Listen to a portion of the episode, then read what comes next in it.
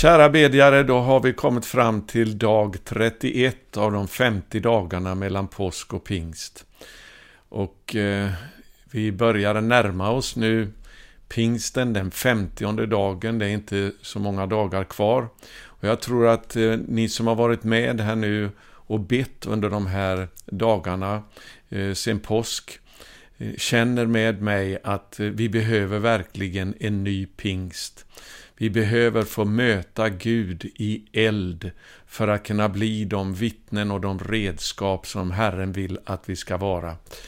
Eh, jag ska läsa ifrån Apostlagärningarnas första kapitel här nu om de här 50 dagarna. För det var ju så att under 40 dagar så skriver Lukas här att eh, man eh, umgicks med den uppståndne fram till dess att han uppsteg till himlen.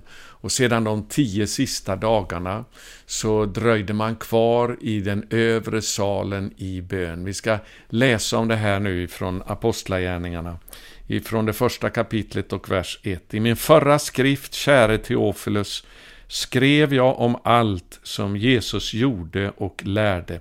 Låt mig bara säga att enligt vissa eh, kyrkohistoriska källor så var Teofilus en präst som Lukas skrev, eh, skrev sitt både evangelium och apostlagärningarna till.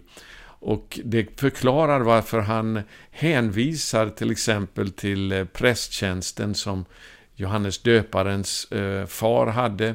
Och även här till de här 50 dagarna mellan påsk och pingst. Vi ska se det i texten här.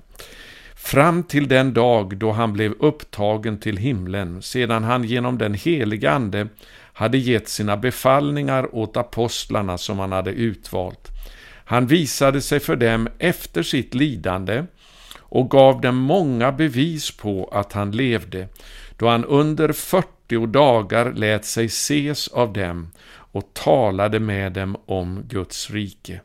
Tänk vilken bibelskola de fick vara med om, lärjungarna.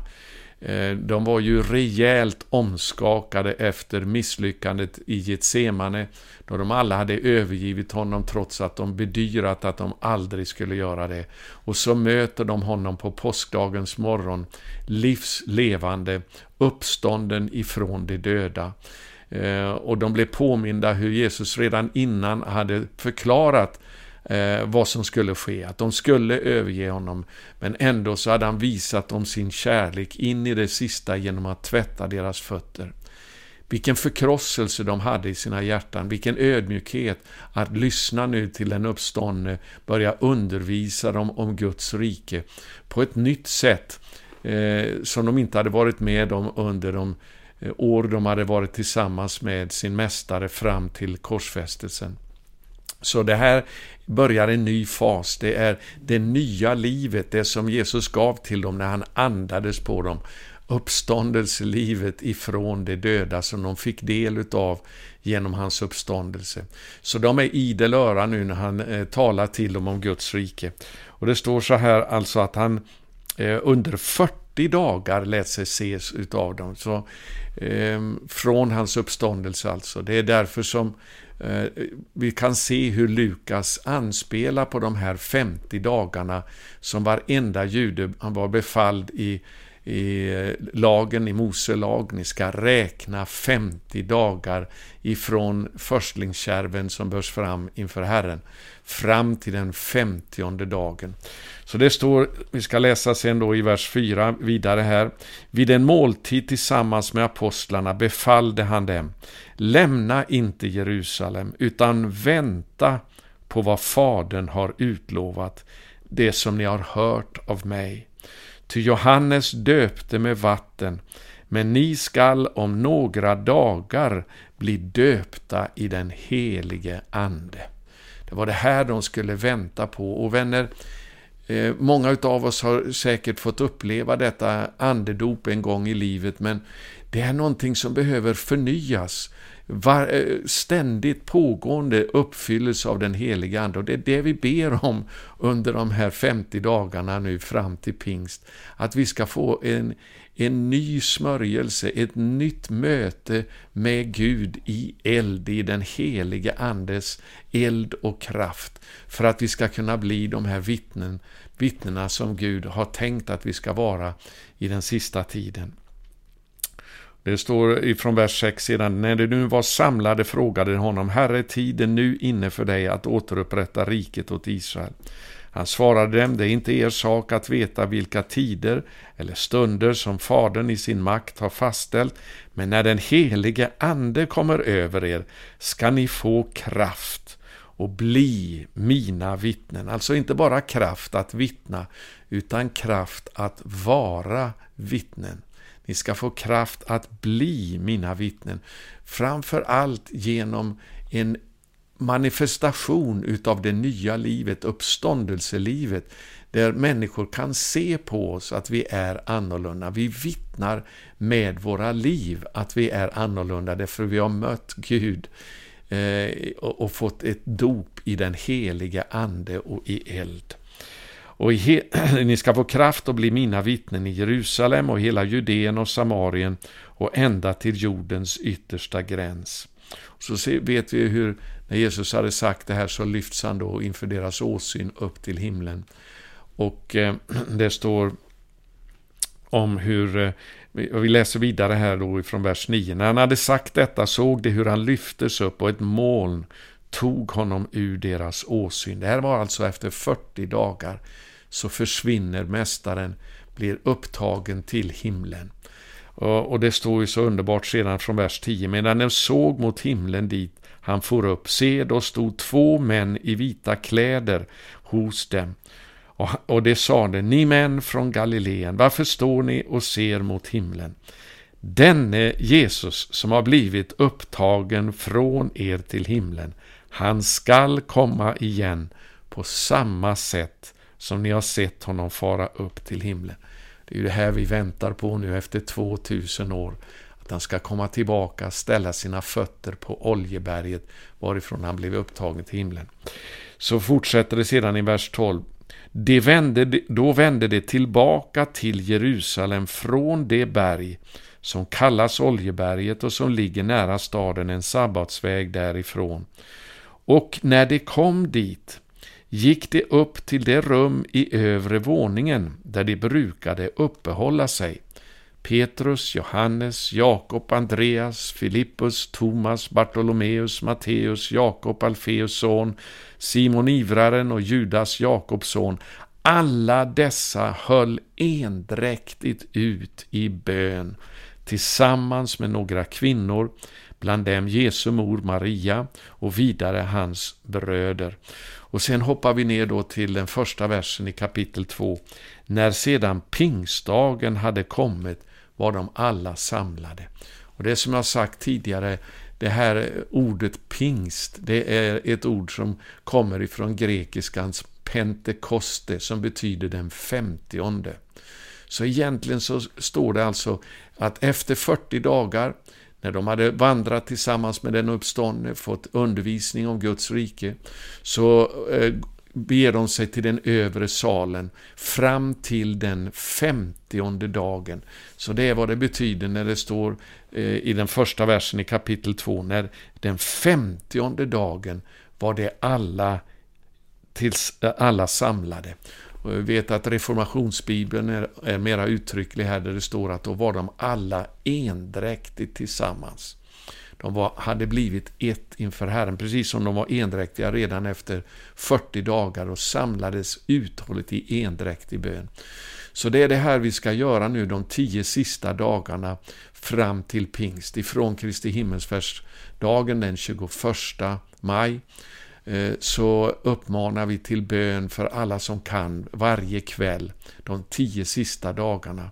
Och även att bedja enskilt men samlas som församlingar och bönegrupper över hela Norden för att likt lärjungarna vänta på den heliga Ande att komma.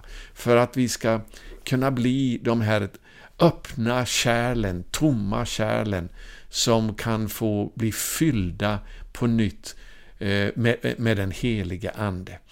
Och vi väntar inte några manifestationer av spektak spektakulära manifestationer, ska jag säga.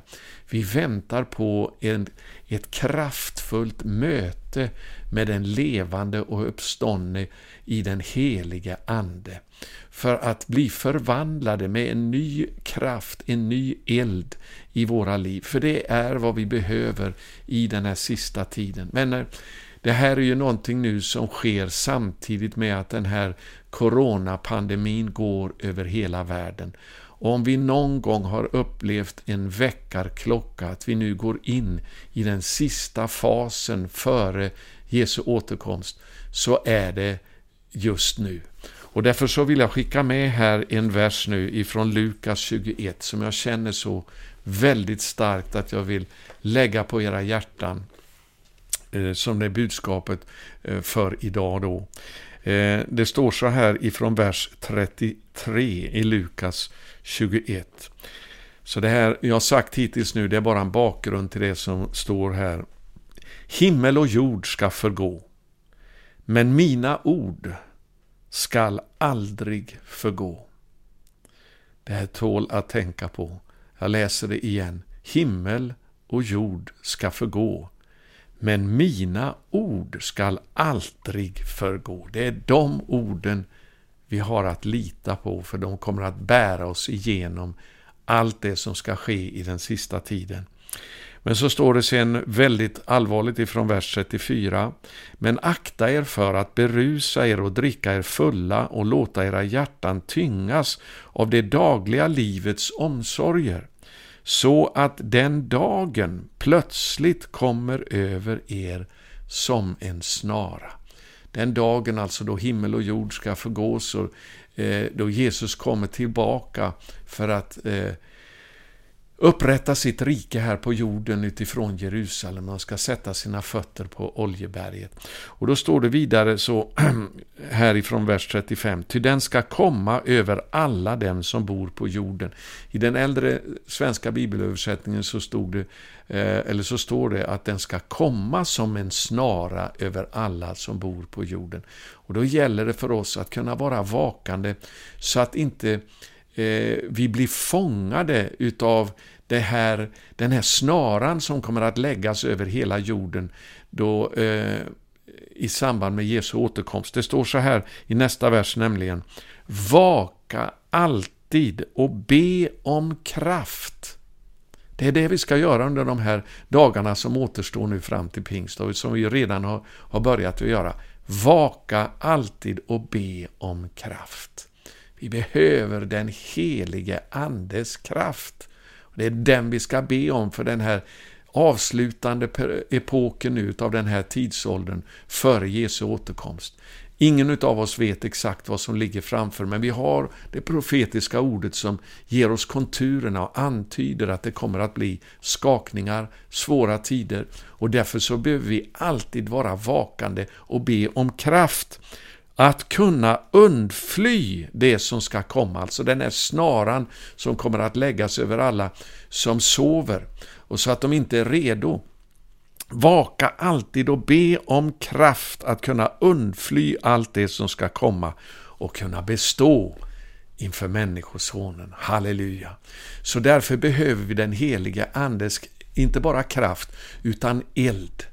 Vi behöver den reningen i våra liv av den heliga Andes eld som renar oss ifrån all besmittelse av synd och av den eh, otukt, omoral, de begär som finns i världen nu och som blir bara starkare och starkare för varje år som går. Vi kommer att behöva mer och mer av den heliga Andes kraft och den heliga Andes renande eld i våra liv. Det var det jag talade om igår, om att elden behöver falla över våra liv som gör, oss, eh, gör att eh, vi inte blir besmittade utav eh, världen som kommer att förgå. Men Guds ord kommer att bestå och de som... Eh, jag blir påminn om första Johannes kapitel 2 här nu, jag ska läsa det snabbt innan vi ska avsluta här. Första Johannes kapitel 2. Det står det så här ifrån vers 15. Älska inte världen, inte heller det som är i världen. Om någon älskar världen så finns inte Faderns kärlek i honom. Ty allt som finns i världen, köttets begär och ögonens begär och högmod över livets goda, det kommer inte från Fadern utan från världen. Och så står det sen i vers 17. Och världen och dess begär förgås. Eller förgår. Men den som gör Guds vilja förblir i evighet. Så det är det vi ska be om kraft att kunna undfly allt det här nu som kommer att komma över världen. Eh, vi ska vaka, vi ska vara bedjande och det är det som är eh, målsättningen med de här dagarna av bön fram till pingst. Eh, en förväntan om ett nytt dop i helig ande och eld.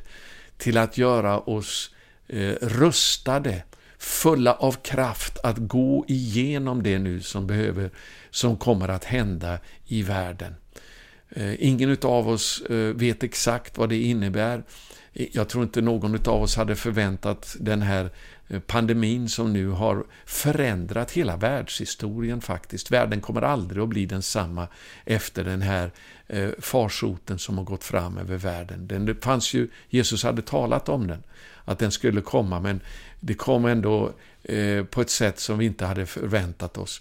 Vi vet inte vad som ligger framför, därför behöver vi den heliga Andes kraft och eld och vi behöver vara vakande och bedjande. Ska vi be tillsammans? Fader, jag tackar dig för att du har gett oss dessa förebilder i ditt ord. Eh, de här dagarna mellan påsken och pingsten, att räkna de här dagarna för att påminna oss om det som du gjorde på Golgata och genom det nya livet du gav oss genom uppståndelsen ifrån de döda. Halleluja! Tack för att det övervinnande livet finns i oss. Och Herre, nu vill vi vara vakande och bedjande för att du ska kunna fylla oss på nytt med din heliga Andes kraft och eld. För ingen utav oss klarar oss utan denna påfyllnad, ständigt att bli uppfylld av den heliga Ande. Därför ber jag att du ska möta med oss redan när vi söker dig under de här 50 dagarna. Och att vi ska få vara med om en, en eh, upplevelse av dig i eld på pingstdagen, den 50 dagen. Tack för att du har gett oss den här möjligheten nu att söka dig under, i samband med den kris som går fram över hela världen. Må vi vara vakande, må vi vaka i ditt ord, må vi vaka i bönen och må vi vänta inför dig att du ska röra vid oss och, och fylla oss på nytt med helig ande och eld. I Jesu välsignade namn. Amen. Jag vill också nämna till sist bara om den här boken som jag har talat om, Azusa Street, som jag har läst om när den heliga Ande föll eh, 1906 eh, i Los Angeles. Och Jag nämnde också om att den boken den finns på norska och den går att eh, beställa ifrån Kristen församling förlag. Det kan ni se på nätet. Den heter eh, Den gang ilden falt på norska. Men det finns också en svensk förkortad version som ni kan eh, få läsa direkt på nätet. Och jag ska ge länken till det under, som du kan läsa under den här YouTube-filmen. Den, eh, den heter på svenska Hur pingstelden föll i Los Angeles av Frank Bartleman. Så du som bara lyssnade på det här på podd, eh, du kan också se det då i det som texten under den här podden, likadant ni som ser på YouTube. Skaffa den här boken eller läs den på nätet i förkortad form på svenska. Den kommer att uppmuntra er för att vi behöver den här förebilden, vad som föregick Andens utgjutande på Azusa Street. Vilken bönekamp det var, vilken eh, längtan efter Gud, vilken uthållig bön som föregick eh, anden, då Anden föll på Azusa Street. Det är en förebild för oss när vi behöver uppleva en förnyelse av det här i våra dagar. Ja, det blir lite längre idag, men tack för att du är med oss. Tillsammans, vänner, så ska vi föda fram en ny fas Eh, utav Andens utgjutande. Jag är övertygad om det. Därför Gud vill möta oss i samma utsträckning som vi ber. Om vi ber lite kommer vi att få lite, ber vi mycket så är jag övertygad om att vi kommer att få mycket. Gud eh, är trofast och han svarar på bön. Gud välsigne dig.